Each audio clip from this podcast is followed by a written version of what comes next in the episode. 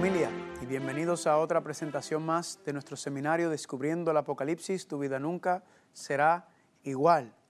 Hoy vamos a continuar con lo que empezamos anteriormente, que estudiamos en Apocalipsis capítulo 14, ¿verdad?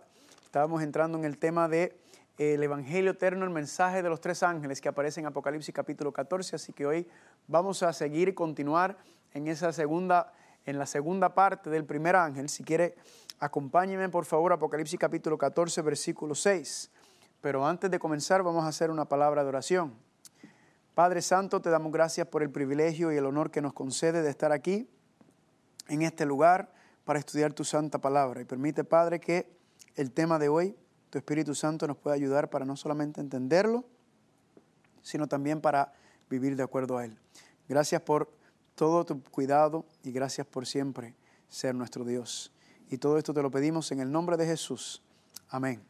Dice Apocalipsis capítulo 14, versículo 6, y vi volar por el medio del cielo a otro ángel que tenía el Evangelio eterno, para predicarlo a los moradores de la tierra, a toda nación, tribu, lengua y pueblo, diciendo a gran voz, teme a Dios y darle gloria, porque la hora de su juicio ha llegado, y adorad a aquel que hizo el cielo, la tierra, el mar y la fuente de las aguas Aquí familia, el Evangelio eterno, el plan de salvación, como hemos dicho, está explicado, desglosado en el santuario celestial, ¿verdad? El plan de salvación es que podamos regresar, que podamos restaurar nuevamente en la presencia de Dios, que culpa del pecado no podemos estar en la presencia santa de Dios, pero el plan de salvación va a solucionar, va a resolver ese problema.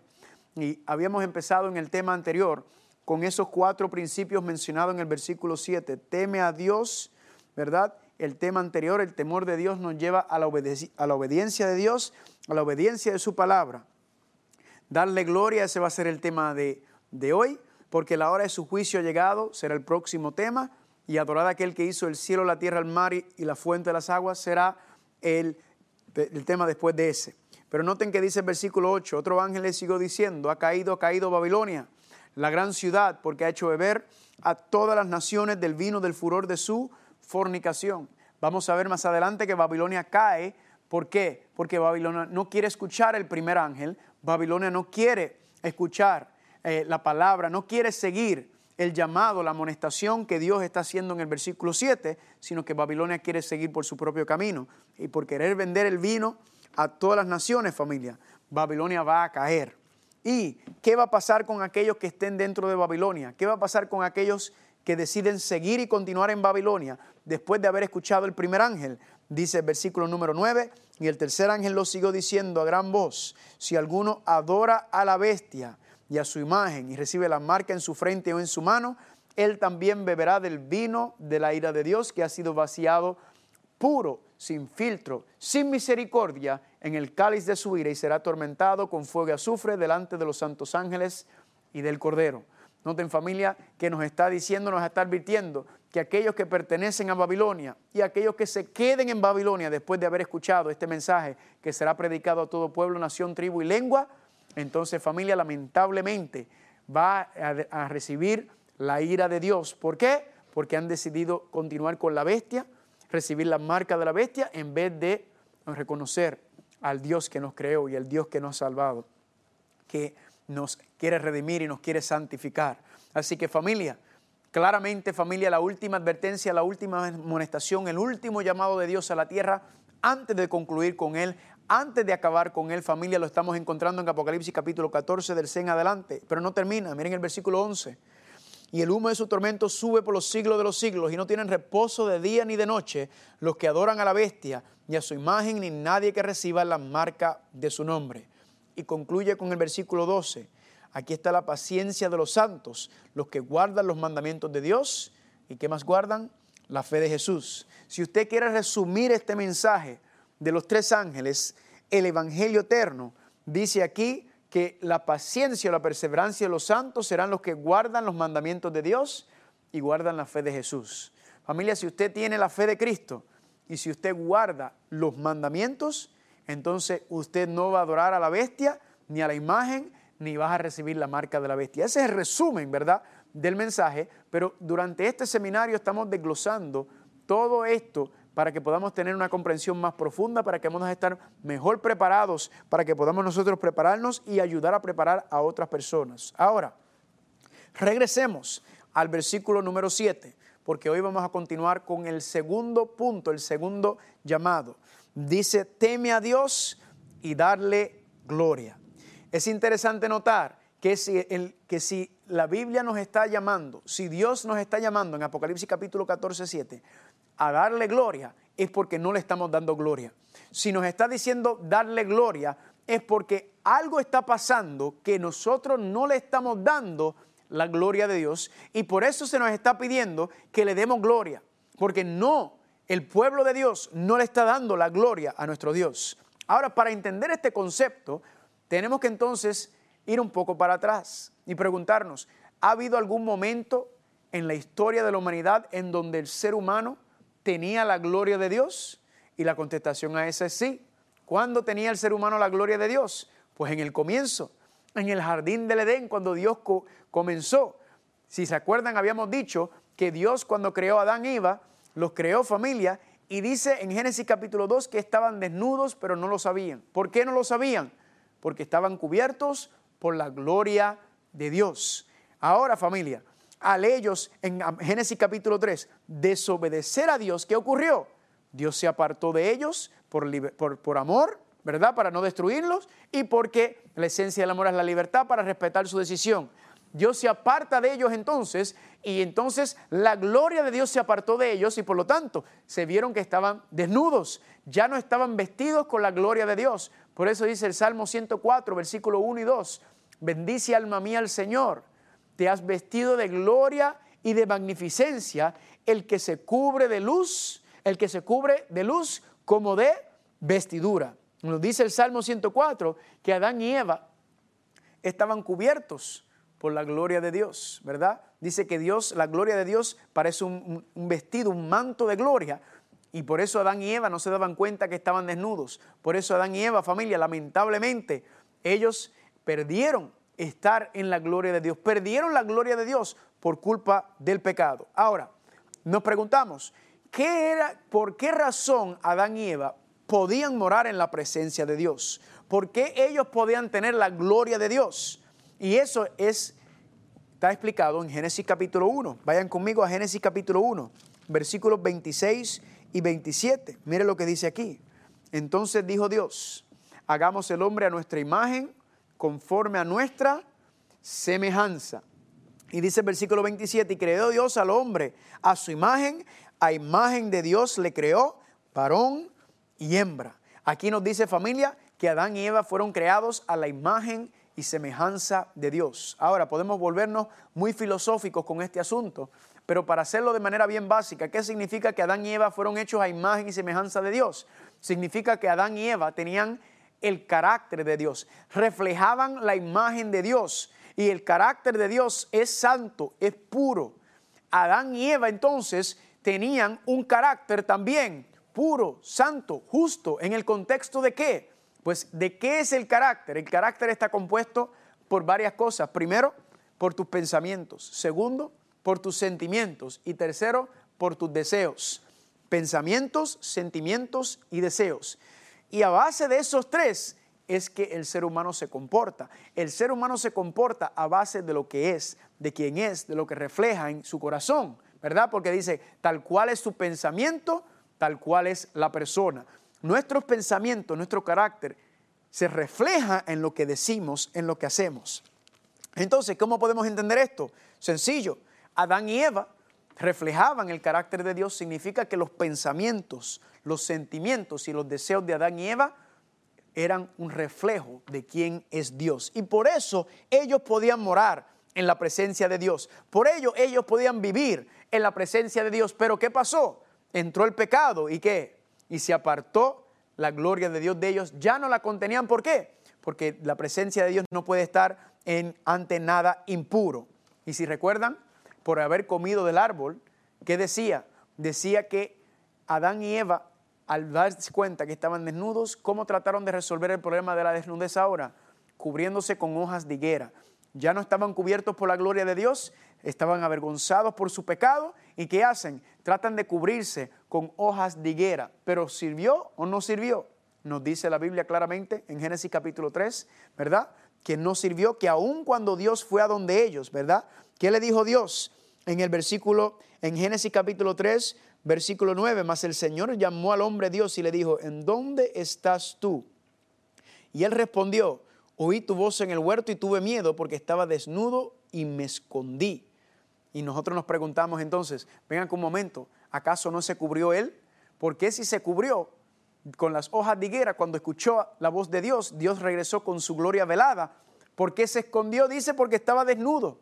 Pues no tiene sentido eso. Claro, tiene sentido dentro del contexto espiritual de que por más que uno intente, por el esfuerzo humano que hace, como dice Hebreos capítulo 4, 12, Dios ve todo y todo está descubierto ante los ojos de Dios.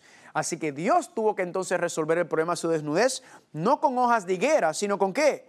Cubriéndolo con la piel de cordero. Cuando dice en Génesis 3:21, claramente que Dios los vistió con túnicas de pieles. Así que Dios resolvió el problema, familia. Dios resolvió el problema de la vestimenta de la, de la desnudez del pecado. Pero noten algo, aunque ese cordero representaba la misericordia y la gracia de Dios, el perdón de Dios, al ellos ser cubierto por la piel de cordero, familia, aún así Adán y Eva fueron echados de la presencia de Dios. Aún después de haber recibido el perdón de los pecados, ellos fueron sacados del lugar santísimo, eh, de la presencia de Dios en el jardín del Edén. Y la pregunta es, ¿por qué? Si ya el cordero había muerto si ya el Cordero había dado una ya había eh, representado el perdón de sus pecados. Y la contestación por qué fueron echados se encuentra en Génesis capítulo 5, versículo 3. Y dice así, vivió Adán 130 años y engendró un hijo, y noten lo que dice aquí, engendró un hijo a su semejanza, conforme a su imagen, y llamó su nombre Seth. ¿Qué es lo que está pasando aquí, familia? Que muchas personas, a veces me encuentro con hermanos, hermanas, y dicen, ay, yo fui creado a la imagen y semejanza de Dios. Y lamento decirle que usted ni yo fuimos creados a la imagen y semejanza de Dios. La Biblia dice que cuando Adán engendró un hijo, él lo engendró a su imagen conforme a su semejanza. Familia, ¿qué significa que los hijos de Adán y Eva fueron hechos a su imagen y semejanza. Pues si ya Adán y Eva no reflejaban la gloria de Dios, si ya no tenían el carácter de Dios, sino que el carácter del ser humano eh, había sido manchado por el pecado, y el pecado ya sabemos que es egoísmo, significa entonces que todo el que nació de Adán y Eva nacen entonces con la misma mancha de pecado, con la misma mancha que es el egoísmo. Y por eso familia, no podían seguir morando en la presencia de Dios, porque aunque habían sido perdonados, todavía tenían el pecado, tenían la maldad. Aunque habían sido perdonados, todavía su carácter estaba distorsionado por la culpa del pecado, por la culpa o resultado de la maldad que existió. Y por eso dice Romanos 3:23, por cuanto todos pecaron y están destituidos de la gloria de Dios. Por eso los tuvo que sacar, porque aunque fueron perdonados, todavía tenían el carácter distorsionado por el pecado. Entonces, ¿qué nos está diciendo eso? Significa que si el plan de salvación es regresar a los brazos de Dios, si el plan de salvación es regresar a la presencia de Dios, quiere decir que no podemos entrar como nosotros estamos hoy en día, con el carácter distorsionado, manchado por el pecado, porque la imagen y semejanza que tenemos es la imagen y semejanza de nuestros padres caídos. Entonces, ¿qué tiene que hacer Dios? Dios tiene que qué? Cambiarnos y transformarnos. ¿En dónde? El carácter, el pensamiento, los sentimientos y los deseos. Tenemos que entonces volver a tener esos pensamientos, sentimientos y deseos puros y limpios para poder morar en la presencia de Dios. Porque si Dios viniera a la tierra ahora mismo, si el Padre llegara a venir a la tierra ahora mismo, familia, en un inmediatamente seríamos destruidos y consumidos. ¿Por qué? Porque todavía tenemos mucho egoísmo en nuestra mente, todavía tenemos orgullo, odio, envidia, chisme, lujuria. Y nosotros no podemos morar en la presencia de Dios así. Entonces, aquí familia donde vamos a estudiar y entender qué es exactamente lo que tenemos que hacer para morar en la presencia de Dios. Pues claro, todo comienza con el, con el Cordero, Todo comienza en la cruz del Calvario, familia. Cuando estudiamos y recuerdan el santuario, ese primer mueble que representa el plan de salvación dentro del santuario, ese primer mueble representa el primer paso que damos. Y cuando vamos al primer paso, el primer mueble es el altar de sacrificio que representa la cruz del Calvario, como habíamos estudiado anteriormente.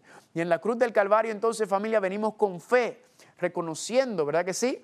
Reconociendo que somos pecadores y poniendo entonces, viendo lo que Cristo hizo por nosotros, por fe.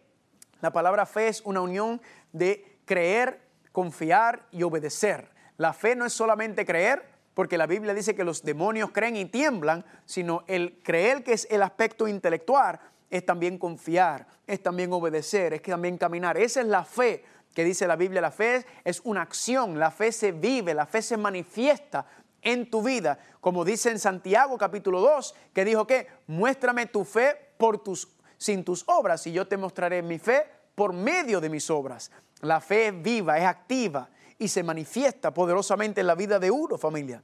Entonces, ¿qué pasó? Que venimos a la cruz con fe confiando, sabiendo que el Señor, siguiendo los caminos del Señor en la cruz del Calvario. Pero hay un problema, que la cruz del Calvario sí resuelve la penalidad por el pecado, que es la muerte. Ese es el propósito de la cruz, ¿verdad?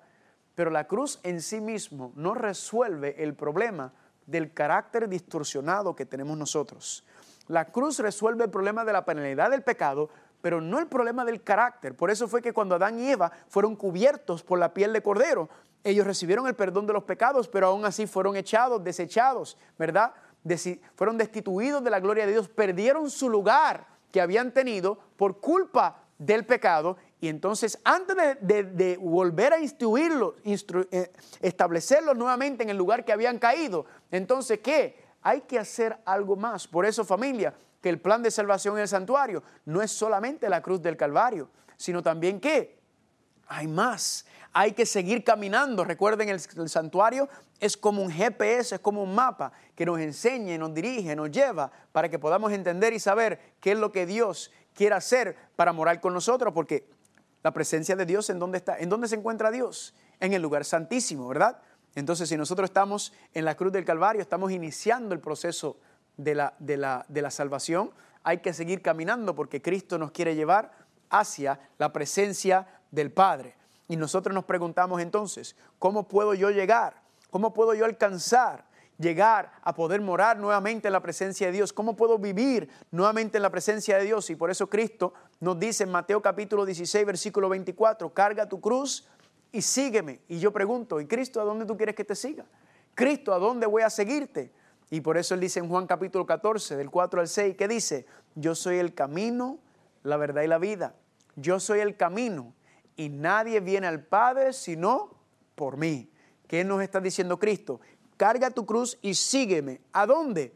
En el santuario. Yo te voy a mostrar los pasos que hay que dar para regresar a la presencia de Dios. Yo te voy a mostrar los pasos que tenemos que dar para que podamos nuevamente tener esa relación con nuestro Padre Celestial, para que podamos poder, poder morar y vivir nuevamente como Adán y Eva lo hicieron en el principio, el plan de salvación es ese. Por eso decía en Apocalipsis capítulo 21 que moraremos con Dios y Él estará con nosotros y será nuestro tabernáculo. Viviremos con Dios cuando se resuelve el problema del pecado.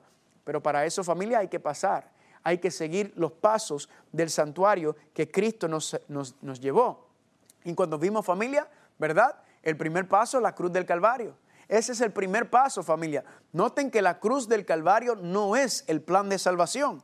La cruz del Calvario es el comienzo del plan de salvación, es la llave, el, el pasaporte que nos ayuda para comenzar ese camino de regreso a la presencia del Padre. El santuario nos enseña que hay más pasos que dar, que simplemente no, porque si nos quedamos en la cruz del Calvario, familia, Cristo no está en la cruz ya, Cristo se bajó de la cruz. Entonces, ¿qué Él nos dice? Mira, carga tu cruz y sígueme, no te quedes ahí, continúa, camina contigo, conmigo y sigue los pasos. Y cuando entonces miramos, venimos al primer paso, a la cruz del Calvario, y vinimos entonces a lo que se llama el arrepentimiento, ¿verdad? Es interesante notar que cuando viene se dice arrepentíos, dice la palabra de Dios. La palabra arrepentimiento significa, en griego es la palabra metanoeo, Y cuando usted estudia la raíz de la palabra metanoeo, significa y está hablando de la mente, el intelecto, ¿verdad? El carácter, los pensamientos, sentimientos y deseos. Entonces, ¿el arrepentimiento qué es? El arrepentimiento no es que le diste un golpe a alguien y le pediste perdón. El arrepentimiento verdadero es un cambio de actitud, es un cambio de mente, es un cambio de carácter. ¿Por qué? Porque ¿dónde está el problema, familia? El problema no existe en mi meñique, el, problema no existe en mi rodilla, el problema no existe en mi oreja, el problema dónde existe, en mi mente. El problema es mi mente, nuestra mente, que está aquí contaminado con el egoísmo, con el pecado, con el orgullo, con, con la vanidad. Todo eso entonces, familia, es el arrepentimiento, es un cambio de actitud, es un cambio en los patrones de, pensamiento que tenemos. Tiene que limpiar y deshacer y, recrearnos nuevamente para que podamos morar en la presencia de Dios. Así que cuando hablamos del arrepentimiento, cuando estamos dando ese primer paso en Cristo Jesús, entonces vemos que el arrepentimiento, yo lo, a mí me gusta explicarlo en tres pasos, el arrepentimiento. El primer paso del arrepentimiento es el reconocimiento del pecado y la maldad. ¿Por qué el primer paso? Porque familia, si usted no reconoce que Cristo murió por sus pecados, entonces familia, entonces no hay nada que hacer ahí. El primer paso es reconocer, identificar, Cristo murió por mis pecados y decir, qué terrible lo que ha pasado. Qué terrible que mi pecado haya matado a mi Señor Jesucristo. Ahora le pregunto, ¿cómo usted identifica el pecado? ¿Por medio de qué? El pecado es que transgresión de la ley. Nuevamente los diez mandamientos están aquí en el plan de salvación estableciéndose y mirándose, ¿verdad? Como están en, el lugar santísimo dentro del arca del pacto, pues el reconocimiento del pecado, identificar el pecado que fue lo que mató a Cristo. Pero ahora viene la segunda parte del arrepentimiento. Y la segunda parte del arrepentimiento no solamente reconoces tus pecados, sino que ahora los confiesas. Primera de Juan capítulo 1 versículo 9 dice, si confesamos nuestros pecados, Él es fiel y justo para perdonar nuestros pecados y limpiarnos de alguna de la maldad. No, familia. Ahí primero dice, sí, condicional. Yo confieso mis pecados, Él me va a perdonar, pero tengo que confesarlos para que me los perdone.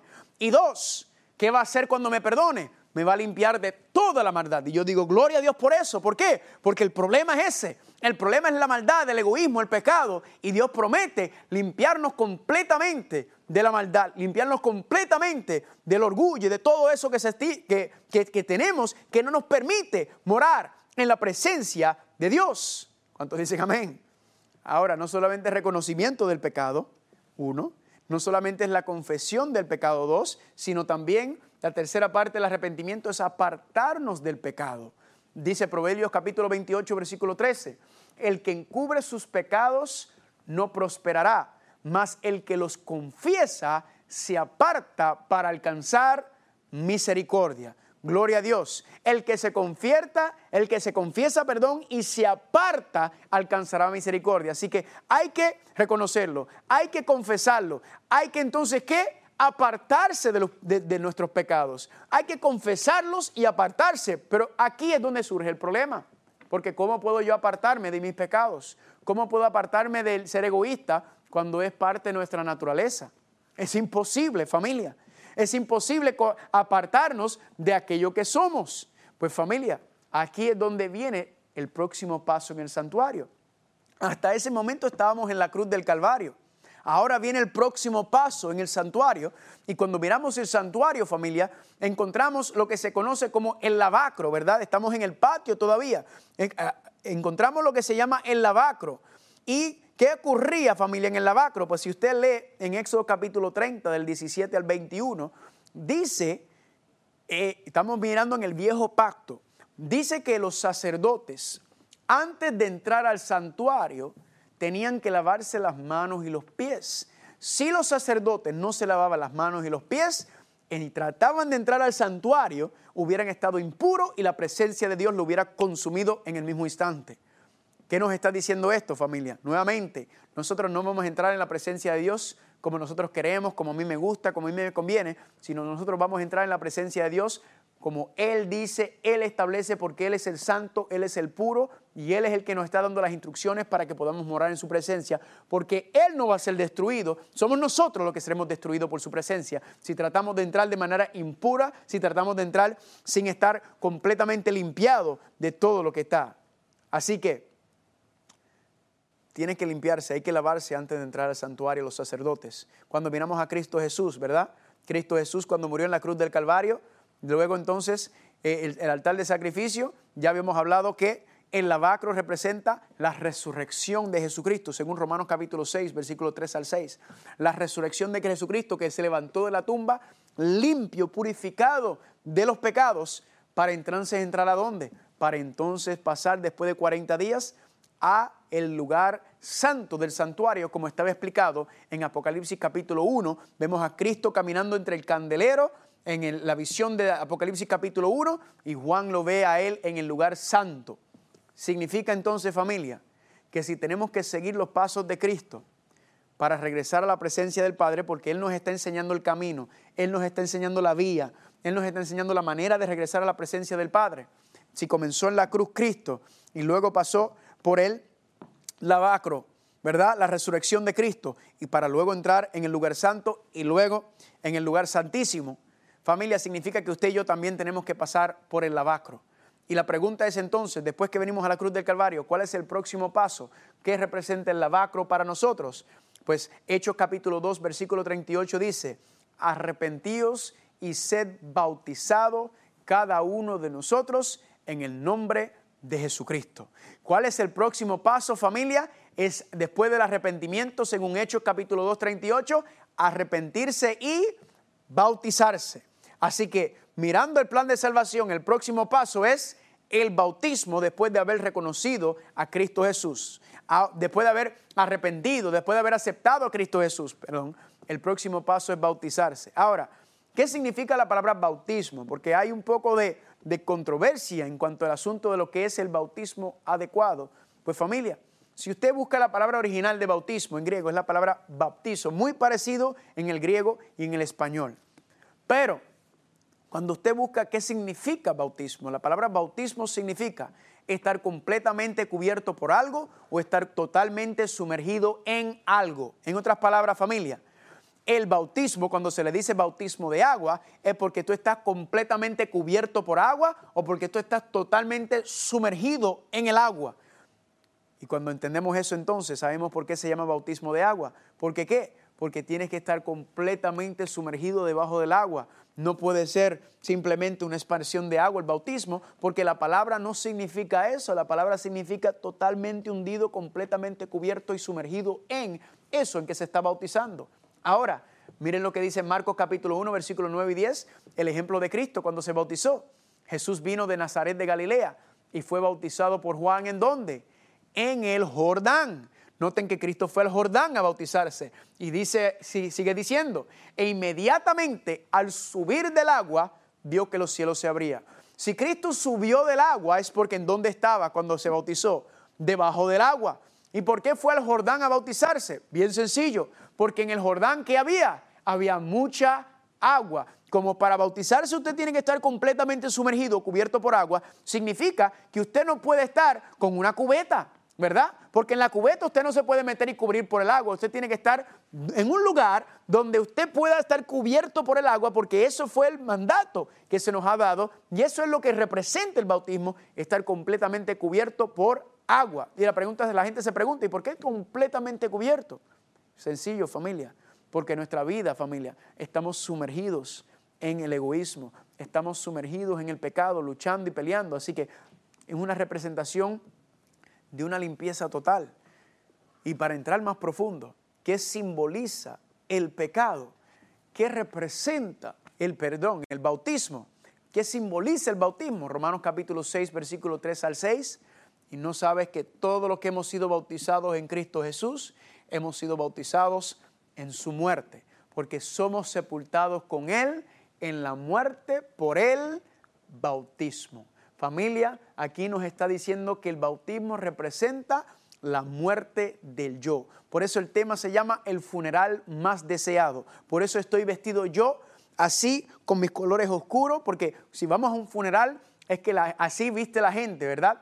Pues cuando decimos cuál es el funeral más deseado, familia, el funeral más deseado del ser humano no es morir verdaderamente, sino es morir al yo. Porque eso es lo que nos está diciendo, que el funeral, el bautismo representa eh, participar de la muerte de Cristo. El gran privilegio que nos ha concedido de Cristo Jesús. ¿Por qué? Porque yo no tengo que morir la muerte eterna, porque ya Él la murió por mí. Pero sí me dice que tengo que morir al yo. Tengo que sepultar la vieja persona. Tengo que poner a dormir el pasado, familia. Y cuando usted baja las aguas bautismales, entonces, primero tenemos el gran honor de participar de la muerte de Cristo por medio del bautismo. No, no tenemos que ir a la cruz del Calvario.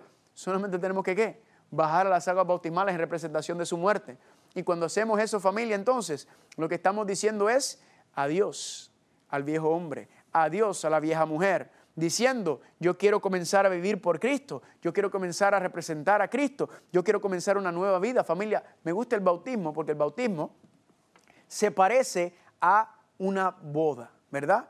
¿Y qué es eso? Pues una boda que es, es una ceremonia oficial donde un hombre y una mujer deciden y toman la decisión de dejar atrás, ¿verdad? Renunciar a, en el caso mío cuando me casé, yo renuncié a las mujeres, mi esposa renunció a los hombres. ¿Y qué dijimos? Nosotros entonces queremos unirnos para qué? Ahora para dedicarnos el uno al otro en la presencia de Dios. Pues familia, ¿qué es lo que está pasando en el bautismo? El bautismo es la boda oficial donde tú estás dando una profesión al mundo, al universo entero, igual que una boda regular, de que usted se quiere apartar y separar del mundo y usted quiere comenzar una nueva vida con Cristo Jesús. Es el momento en que tú estás diciéndole, Señor, yo quiero entregarte mi vida, yo quiero comenzar a vivir contigo y yo quiero renunciar al pecado, renunciar a mi pasado y empezar esta nueva vida. El bautismo es señal de lealtad, de alianza, de amor con Cristo. Es un testimonio público de tu unión con Cristo Jesús. Y por eso yo digo, gloria a Dios. Ahora, si el bautismo, como estoy diciendo, representa la boda tuya y mía con Cristo Jesús, pues familia, ya nosotros sabemos que cuando usted se casa, usted recibe muchos regalos, ¿verdad que sí?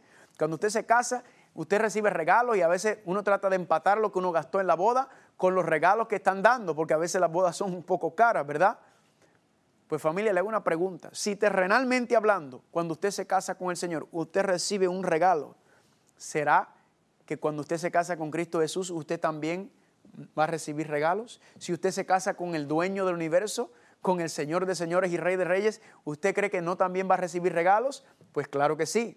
Y cuando vamos a, Hechos capítulo 2, versículo 38, miren lo que dice aquí. Ya lo habíamos leído, pero vamos a profundizar en lo que habíamos leído anteriormente. Dice Hechos capítulo 2, versículo 38. Pedro les dijo, arrepentíos y sed bautizados y bautícese cada uno de vosotros en el nombre de Jesucristo, primero para el perdón de los pecados. ¿Cuántos dicen amén? Así que arrepiéntanse y después de arrepentirse, ¿cuál es el próximo paso? Bautícense. ¿Para qué? Para el perdón de los pecados. Y por eso yo digo amén. ¿Por qué? Porque el pecado es lo que me trajo separación, no permite que yo pueda morar en la presencia de Dios. Y lo primero que hace Dios entonces es que es perdonar mi pecado. Es perdonar mi pecado para que qué? Para que pueda hacer la obra en mí, para que pueda hacer el cambio en mi familia. ¿Y cómo son cubiertos mis pecados? ¿Cómo son, ¿Cómo son mis pecados perdonados? No porque yo soy bueno, no porque me porto bien, no porque yo hago las cosas bien, sino por una sola razón. Gálatas capítulo 3, versículo 27 dice, porque todos los que son bautizados en Cristo Jesús, de Cristo os habéis sido qué? Revestidos. Amén. Así como Adán y Eva después que haber pecado, después de haber desobedecido familia, estaban desnudos, Dios tuvo que entonces sacrificar un cordero y vestirlos a ellos con qué? Con la piel de cordero. Igualmente familia, eso representaba el perdón de los pecados, fueron cubiertos por la justicia de Dios. Asimismo familia, cuando usted se bautiza, usted entonces es cubierto por la justicia de Cristo. Eso es lo que representa. Ser vestido de Cristo es ser cubierto por su justicia, por tu santidad. Significa que cuando el Padre te mira a ti, Él no ve tus pecados, Él no ve el pecador que soy yo, sino Él ve a Cristo en mí. Y Él ve la justicia de Cristo y por medio de esa justicia es que yo soy declarado justo. Amén. Yo soy declarado justo en medio de Él. No significa que no tengo luchas y problemas con el pecado. Lo que significa es que Dios primero, para hacer la obra, Dios entonces tiene que hacer qué? Dios primero nos recibimos el perdón de los pecados por medio de Cristo Jesús. Y luego familia, cuando seguimos hablando de los otros regalos, familia, hay muchos regalos que recibimos cuando lo hacemos. Por ejemplo, cuando Cristo se bautizó en Mateo capítulo 3, dice que cuando descendió el agua y se bautizó y cuando salió de las aguas, el Padre que dijo, ese es mi Hijo amado en quien tengo complacencia. Igual usted, cuando usted sale de las aguas bautismales, el Padre también declara desde el cielo, ese es mi Hijo y ese es mi hija amada. En otras palabras, familia, Dios te adopta dentro de su familia. Quizás tú has sido rechazado por tu papá, tu mamá, te maltratan, no te quieren. No sé, pues yo quiero que tú sepas que independientemente de lo que haya pasado aquí en esta tierra, Dios te está diciendo a ti que Él te quiere adoptar a su familia. Él quiere que tú seas una princesa o un príncipe dentro de la familia real, dentro de la familia eh, celestial, del reino celestial. Dios quiere que tú entonces te conviertas en parte de su familia. Y yo a eso le digo, gloria a Dios. Y otra cosa es, familia, si te unes a la familia de Dios, si estás uniéndote, entonces inmediatamente ser parte de esa familia implica que hay un cuerpo. ¿Y cuál es la familia de Dios? ¿Cuál es el cuerpo al cual te estás uniendo? ¿Qué es la familia de Dios? Bien sencillo. Es que es la iglesia. Te estás uniendo cuando te casas con Cristo Jesús, cuando te unes a la familia divina, entonces formas parte del núcleo de la iglesia que está, eh, que está eh, sobre la tierra.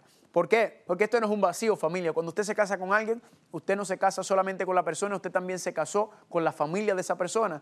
Y dentro de nuestras propias familias, ¿verdad que sí? A veces tenemos gente dura, gente media cabecidura, gente sin vergüenza y todo eso. Y uno tiene que aprender a soportar, ¿verdad? Dentro de todas las familias lo hay. Pues también dentro de la iglesia ocurre lo mismo, porque a veces mucha gente dice, ay, si la iglesia está llena de hipócritas, ay, que sí. ¿Y? Hipócritas hay en todo el mundo. Entonces te vas a ir de la iglesia porque en la iglesia hay hipócritas, pero en el mundo hay hipócritas. Yo no te veo huyendo del mundo para la iglesia tampoco. Familia, la Biblia nos enseña que hay trigo y cizaña van a crecer juntos hasta el final. Hay personas en la, en la iglesia que lamentablemente son, son cizañas, pero también hay mucho trigo. Así que usted aférrese al trigo, usted sigue el trigo, usted se, eh, eh, se conviértase en, en, discípulo del trigo para que entonces usted sepa lo que es caminar con el Señor. Y el trigo, ore por ellos, dele testimonio que el Señor va, para que el Señor eventualmente ellos abran su corazón y le den la oportunidad. Otro regalo que recibe familias es la promesa de la resurrección, ¿verdad? En el mismo versículo de Romanos capítulo 6, versículo 3 al 6, dice que aquellos que habéis muerto con Cristo también resucitarán con ellos. Significa que aunque pases por la primera muerte, no tienes que temer la segunda muerte, porque Cristo te va a resucitar y te va a dar la vida eterna, familia. Y recibimos también el pasaporte, ¿verdad? El pasaporte para ser ciudadanos de la nueva patria, de la patria celestial, de la nueva Jerusalén, ¿verdad? Y muchos otros regalos y bendiciones que recibimos que familia no da tiempo aquí para explicar, pero sí quiero explicar el último regalo que vamos a hablar en esta tarde, en esta presentación, es lo que está explicado aquí, porque es el que está directamente relacionado con el asunto del carácter. Recuerden, como usted y yo estamos ahora mismo, como, como pensamos, nuestros deseos, nuestros sentimientos, eh, no podemos ir al reino de los cielos. Tienen que ser transformados, tienen que ser cambiados para que podamos morar en la presencia de Dios nuevamente, porque necesitamos el carácter de Dios restaurado en nosotros para morar en su presencia. ¿Y cómo Dios va a hacer eso? Pues regresamos a Hechos capítulo 2, versículo 38, y dice, Pedro les dijo, arrepentíos y bautícese cada uno de vosotros en el nombre de Jesucristo, primero para el perdón de los pecados y segundo para recibir qué cosa? El don del Espíritu Santo. En otras palabras, familia, cuando tú te bautizas, familia, el Espíritu Santo, al, recibir el perdón de los pecados, significa que entonces la justicia de Cristo te cubre y ahora tu cuerpo se convierte en un templo, dice la palabra de Dios. El Espíritu Santo, entonces, anteriormente a eso, te estaba dando las evidencias, te estaba dando las pruebas, te estaba mostrando lo que quiere hacer. Pero cuando te bautizas, el Espíritu Santo entonces literalmente entra dentro de ti y comienza lo que se llama o lo que se conoce como el proceso de la santificación, la limpieza, la purificación. El Espíritu Santo empieza a sacar el sucio del mundo empieza a sacar ese mal, ese carácter explosivo, ese odio, esa envidia, ese orgullo, esa lujuria, ese chisme. El Espíritu Santo, ¿verdad? Podemos decir que es como un car wash, ¿verdad? Y nos está pasando y nos está limpiando y nos está purificando. Purificando y limpiándolos para qué? Para poder morar en la presencia de Dios. Cuando miras el santuario, eso es lo que Dios está haciendo, moviéndote por ahí, por el cada paso, para que puedas morar en el lugar santísimo, en la presencia de Dios.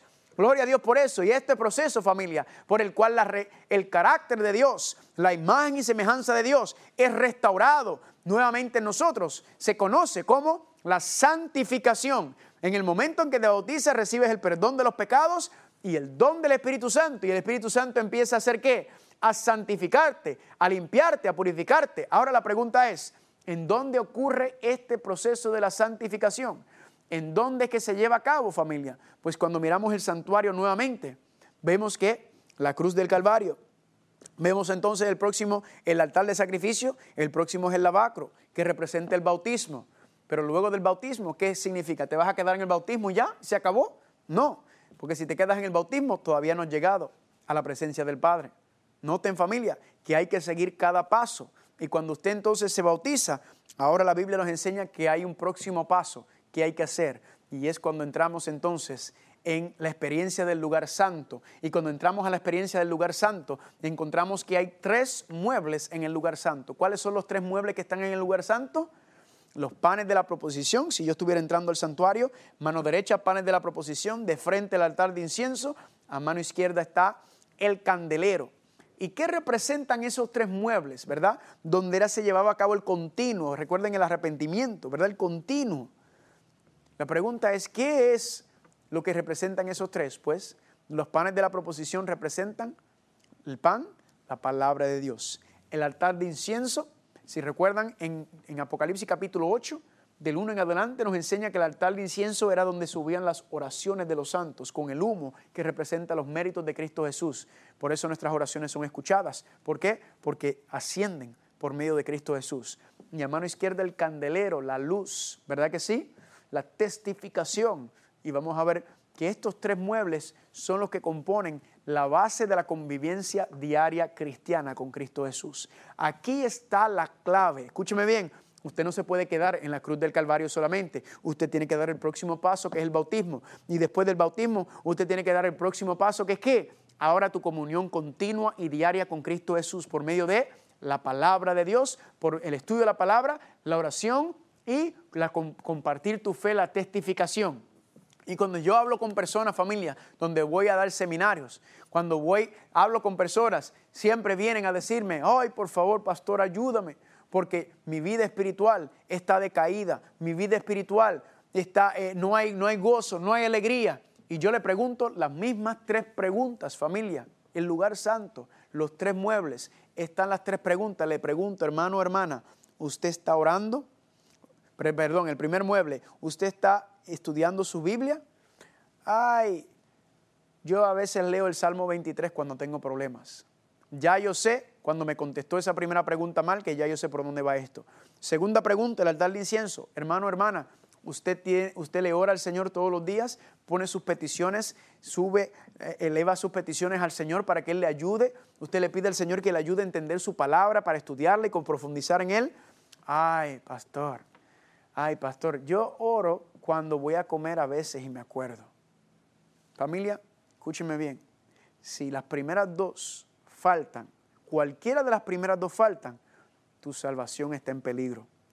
Porque esa es la mano derecha e izquierda de la comunión con Cristo.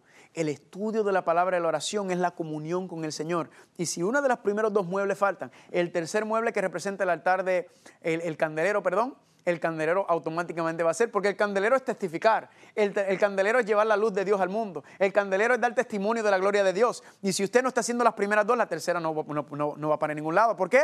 Porque usted, ¿cómo usted puede testificar de Cristo Jesús si usted no lo conoce?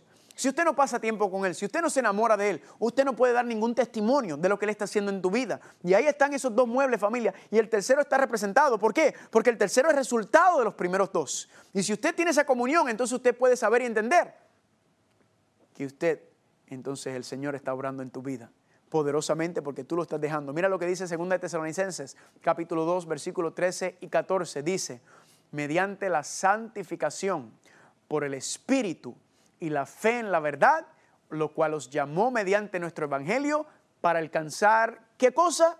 Para alcanzar la gloria de nuestro Señor Jesucristo. ¿No era el problema que no teníamos la gloria de Dios? Aquí nos dice el hermano Pablo que es mediante la santificación por medio del Espíritu y la verdad. ¿Y cuál es la verdad?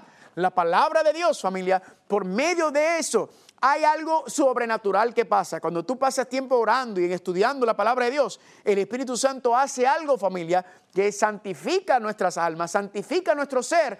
Y entonces empezamos aquí a reflejar la gloria de Dios. Por eso el tercer mueble, el candelero, la luz, que representa la gloria de Dios, la transformación del carácter, familia, que da luz y esa luz automáticamente se convierte en un testimonio al mundo. La gente te ve y sabía que tú eras un sinvergüenza antes, que tú eras un mentiroso, que eras un chismoso. O te ve que tú eras una, una ladrona, ¿verdad que sí? Que tú eras una mal hablada. Y ahora familia, la gente está viendo y dicen, pero venga, ¿qué ¿qué le pasó a fulano?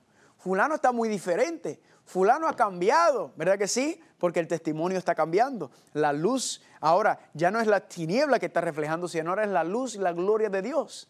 Y la gente ve eso y cuando te pregunte, ¿qué es lo que te pasa a ti? ¿Qué es lo que tú has cambiado? ¿Y qué tú puedes decir? La única explicación que puedo decir es que Cristo ha entrado en mi vida y el Espíritu Santo está haciendo su obra de santificación en mí. Familia, ahí es que le damos gloria a Dios cuando nuestra vida es transformada y cambiada por medio del Espíritu Santo en el proceso de la santificación. Por eso dice Mateo capítulo 5, versículo 14 al 16, dice, vosotros sois qué cosa? La luz del mundo. Así alumbre nuestra luz delante de los hombres para que vean vuestras buenas obras y glorifiquen a nuestro Padre que está donde? En los cielos. ¿Cómo es que le damos gloria al Padre? ¿Cómo es que le damos gloria a Dios? Dice aquí este versículo, familia, por medio de nuestras buenas obras. ¿Y cómo es que nuestras buenas obras son cambiadas y transformadas? Pues cuando nuestro carácter es transformado y cambiado, nuestros pensamientos, sentimientos y deseos, por medio de la obra del Espíritu Santo es cambiado y transformado, entonces nuestras acciones, nuestras palabras van a cambiar automáticamente y vamos a reflejar, ¿qué cosa dice ahí? La gloria de Dios. Se glorifica a Dios por medio de nuestro testimonio cuando la gente vea el cambio en nuestra vida, cuando vea familia y digan, wow, verdaderamente, esta persona está siendo cambiada por el poder de Dios. Y gloria a Dios por eso, familia. Así es como le damos la gloria, lo que significa que cuando el primer ángel nos dice darle gloria a Dios, no le estamos dando gloria, significa que ¿qué? No estamos dejando que Dios nos santifique. Y para que Dios nos santifique, ¿cuál es el paso que tenemos que dar según el, según el santuario? sacrificio, el altar de sacrificio, la cruz del Calvario, el lavacro, el bautismo, para luego entonces el Señor. Entonces, darnos su Espíritu Santo y por medio de eso el Espíritu Santo nos empieza a santificar. Así que si usted no se ha bautizado, significa entonces que su caminar con el Señor apenas va comenzando. Ahora tiene que dar el próximo paso de ese el bautismo. Y las personas se preguntan entonces, ¿es el bautismo necesario para la salvación? Pues vamos a dejar que Cristo nos explique. Marcos capítulo 16, versículo 16. El que crea y sea bautizado será salvo pero el que no crea será qué? Condenado. Noten que dice familia que usted tiene que creer para ser bautizado. Si usted no creía en Cristo y usted simplemente entró a las aguas bautismales, eso no es un bautismo, eso simplemente es un chapuzón. Usted tiene que creer en Cristo, tiene que, que confiar en Él, tiene que tener fe en Él para que entonces ese bautismo tenga validez. Y le hago una pregunta, ¿puede un bebé creer? No, un bebé no puede creer en Cristo un bebé recién nacido, ¿verdad que no? No puede creer en Cristo. Ahí dice que el que crea y sea bautizado, y ya sabemos que el bautismo representa ser sumergido totalmente dentro de las aguas bautismales, completamente cubierto por algo. Así que familia, lamentablemente, aunque yo sé que es una tradición muy común en nuestras culturas, que echarle aspersión, agüita en la cabeza de un bebé y decir que eso es bautismo, lamentablemente eso no cualifica como el bautismo bíblico. Mis padres, cuando yo nací, ellos me llevaron a lo que ellos entendían que era el bautismo, ¿verdad? Y me echaron agüita en la cabeza, hicieron lo que ellos entendían que era lo mejor. Y le doy gracias a Dios que mis padres, mi, mi papá y mi mamá hicieron lo que ellos entendían que era lo mejor, ¿verdad? Que trataron de hacer lo mejor para mí, lo que ellos entendían que era correcto. Pero cuando yo crecí y ya, y vi en la Biblia y decía cómo era el bautismo, que era por inmersión, se era sumergido como Cristo Jesús en el versículo que vimos. Yo dije, no, yo quiero bautizarme como la Biblia lo dice, como Cristo se bautizó. Y yo tomé la decisión entonces de ser bautizado. Y digo, gloria a Dios por eso. Mira Juan capítulo 3, versículo 5, como dice, en verdad te digo que el que no nace del agua, el bautismo de agua y del Espíritu, que es la santificación, no puede entrar en el reino de Dios. Noten esto familia, no es solamente ser bautizado en agua, sino también es que el Espíritu tiene que santificarte, tiene que cambiarte, tiene que transformarte. Usted no puede pasar del patio, del lavacro y brincar el lugar santo y entrar al lugar santísimo. Usted no puede ir directamente a la presencia de Dios. ¿Por qué? Porque hay un proceso de limpieza, de purificación que tiene que pasar para que cuando usted entre a la presencia de Dios, usted pueda morar ahí y puedas tener comunión con el Señor sin que seas destruido, familia. Por eso dice en Hebreos capítulo 12, versículo 14, seguir la paz con todos, pero ¿qué más dice seguir? Y la santidad sin la cual nadie verá al Señor. Yo digo, gloria a Dios por esto, familia. Gloria a Dios que el Señor nos está mostrando y nos está diciendo, yo sí quiero perdonar tus pecados, pero el plan de salvación no es solamente el perdón de tus pecados. El plan de salvación es la victoria sobre el pecado en tu vida, es la limpieza del pecado, es la purificación del pecado porque Dios quiere hacerte una nueva criatura para que puedas morar en su presencia, para que puedas tener esa comunión íntima, para que puedas entonces estar en su presencia, familia. Y cuando analizamos entonces nos preguntamos, familia, alguna gente me han dicho alguna vez cuando hablo del bautismo, me dicen, ay, el bautismo no es muy importante.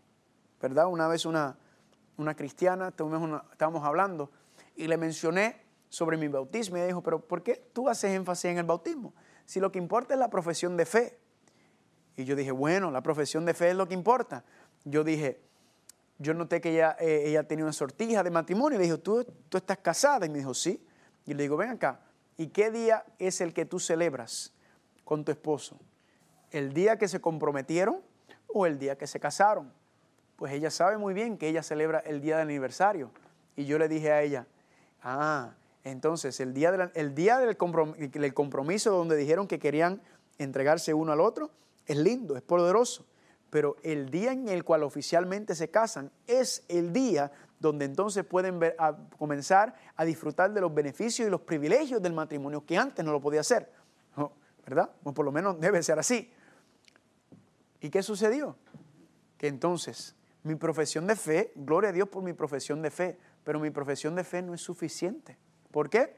Porque el mismo Jesucristo lo dijo en Mateo capítulo 7, versículo 21, cuando dice, no todo el que me dice, Señor, Señor, entrará al reino de los cielos, sino los que hacen la voluntad de mi Padre. Los que viven de acuerdo a la voluntad de mi Padre, esos son los que van a entrar al reino de los cielos, lo que significa que tu profesión de fe no sirve para nada si tu profesión de fe no va conforme y de acuerdo con tu vida, con tus obras. Si esas cosas no van a la par, familia, entonces nada, porque tú puedes estar haciendo muchas buenas obras y haciendo buenas cosas, pero si tú no has hecho una profesión de fe, nada. Igualmente puedes hacer una profesión de fe, pero si en tu vida no se está viendo que tú estás reflejando y caminando como el Señor Jesucristo, entonces ¿qué? Entonces es una pérdida de tiempo. La Biblia le llama hipócrita, actor en la palabra de Dios.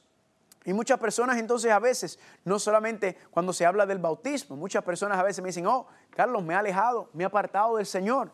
¿Será que el Señor no, no, no puedo regresar? No, claro que sí. El hecho de que lo estás pensando solamente me indica que el Espíritu Santo todavía está obrando en ti, que todavía tienes el deseo y el anhelo. Esa es la obra del Espíritu Santo. Y una persona que se aleja, que yo le digo, bueno, deberías que yo me, rebautizaría. No, Primero Dios que nunca ocurra esto, pero si yo me alejara, si yo me apartara, yo regresaría a la iglesia. Yo sería el primero en decirle al pastor, por favor, rebautíceme. Y alguna gente dice, pero ven acá, el rebautismo es bíblico.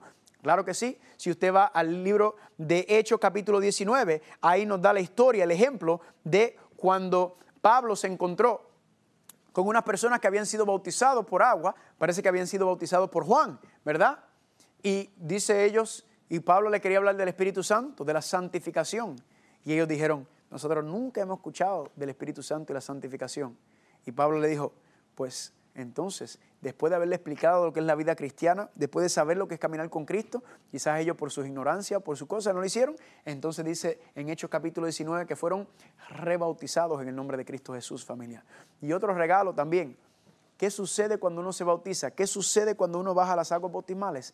Es que tu nombre es escrito en el libro de la vida del Cordero. Un precioso regalo, familia, que represente el bautismo. Tu nombre en ese momento pasa a escribirse en el libro de la vida, pasa a ser parte del registro de aquellos que han dado su vida, que son declarados hijos e hijas de Dios. El bautismo, familia, en ese momento tu nombre es escrito en el libro de la vida del Cordero. Pregunta, ¿el nombre puede ser borrado del libro de la vida? Claro que sí, Éxodo capítulo 32, versículo 33 dice, al que pecare contra mí, a este raeré yo de mi libro. Claramente dice el Señor, el que, el que vive en contra mía, el que no camina conmigo, entonces su nombre no puede estar ahí. Lo que significa familia, que si tu nombre fue escrito en el libro de la vida cuando te bautizaste, cuando te entregaste al Señor, si te apartaste, si te alejaste, si le diste la espalda al Señor, entonces significa qué? Que tu nombre fue quitado del libro de la vida. Y alguna gente a veces dice, ¡ay, pero cómo va a ser eso! Miren Apocalipsis capítulo 3, versículo 5, ¿qué dice? El que venciere, el que perseverare, será vestido de vestiduras blancas, más no borraré su nombre del libro de la vida. Significa que tu nombre puede ser borrado del libro de la vida, significa que tu nombre puede ser quitado del libro de la vida si no perseveras, si no te mantienes firme, si no te mantienes ahí, te apartas. Lo que significa es que si te apartas, te alejaste, dejaste de orar, de estudiar, dejaste de estar en la iglesia, te fuiste al mundo y ahora estás regresando y quieres decirle al Señor, perdóname, Señor. Entonces, ¿qué harías? Pues yo me rebautizaría, familia. Yo no le puedo obligar a usted a hacer lo que usted no quiere hacer. Yo, mi deseo y mi anhelo sería de ser rebautizado. Y alguna gente me dice, pero ven acá, cuando, y, cuando me bautice, no me puedo bautizar todavía porque es que voy a seguir pecando. Pues familia, el problema desde el comienzo es que ya nacemos con esa deficiencia, ese virus. El asunto aquí, familia, es que la única manera que tú puedas caminar y vivir de acuerdo a la palabra de Dios es que tienes que ser bautizado, arrepentirse, bautizarse, recibir el don del Espíritu Santo y empezar la santificación. Y la palabra de Dios dice bien claro, familia, que vas a caer, porque Proverbios 24, 16 dice que el justo cae siete veces, pero vuelve a levantarse. Caerse siete veces es caer y caer y caer y caer, pero vuelve y se levanta. Pero miren cómo te levantas. El Salmo 37, 24 dice, cuando cayere no quedará postrado, porque el Señor te sostiene con su mano. Y por eso yo digo, gloria a Dios. El Señor, familia, cuando caemos, al igual que un recién nacido que está aprendiendo a caminar, ¿verdad? Que tiene las pernitas así como espagueti, se cae el bebé. ¿Y qué usted hace cuando el bebé se cae? ¿Usted lo deja ahí, lo rechaza, ay, déjalo ahí tirado? No, usted agarra a ese bebé y le dice, vamos otra vez, papi, vamos otra vez, mami, yo estoy aquí contigo. Ese es el Dios a quien yo le sirvo. Ese es el Señor que yo que yo honro, a mi Dios, que está ahí, no importa que caiga familia, siempre y cuando que yo quiera levantarme y seguir con Él, Ahí está Él siempre para seguir dándome la mano. Yo no le, Dios no nos da la espalda, nosotros somos los que le damos la espalda. Y yo te pregunto, ¿cuánto tiempo lleva tú con la espalda a Dios? Ya es tiempo de que honres la muerte de Cristo, de que cumplas verdaderamente con lo que decimos, que somos cristianos, que queremos seguir al Señor y que ¿qué hagas? ¿Por qué te detienes? Dice, levántate y bautízate en el nombre de Jesucristo. Es hora de que te bautices para que Dios pueda hacer la obra de santificación que quiere hacer en ti, para que pueda prepararte para morar en su presencia santa. Es parte del plan de salvación. Así que si no lo has tomado, yo espero que tomes esa decisión.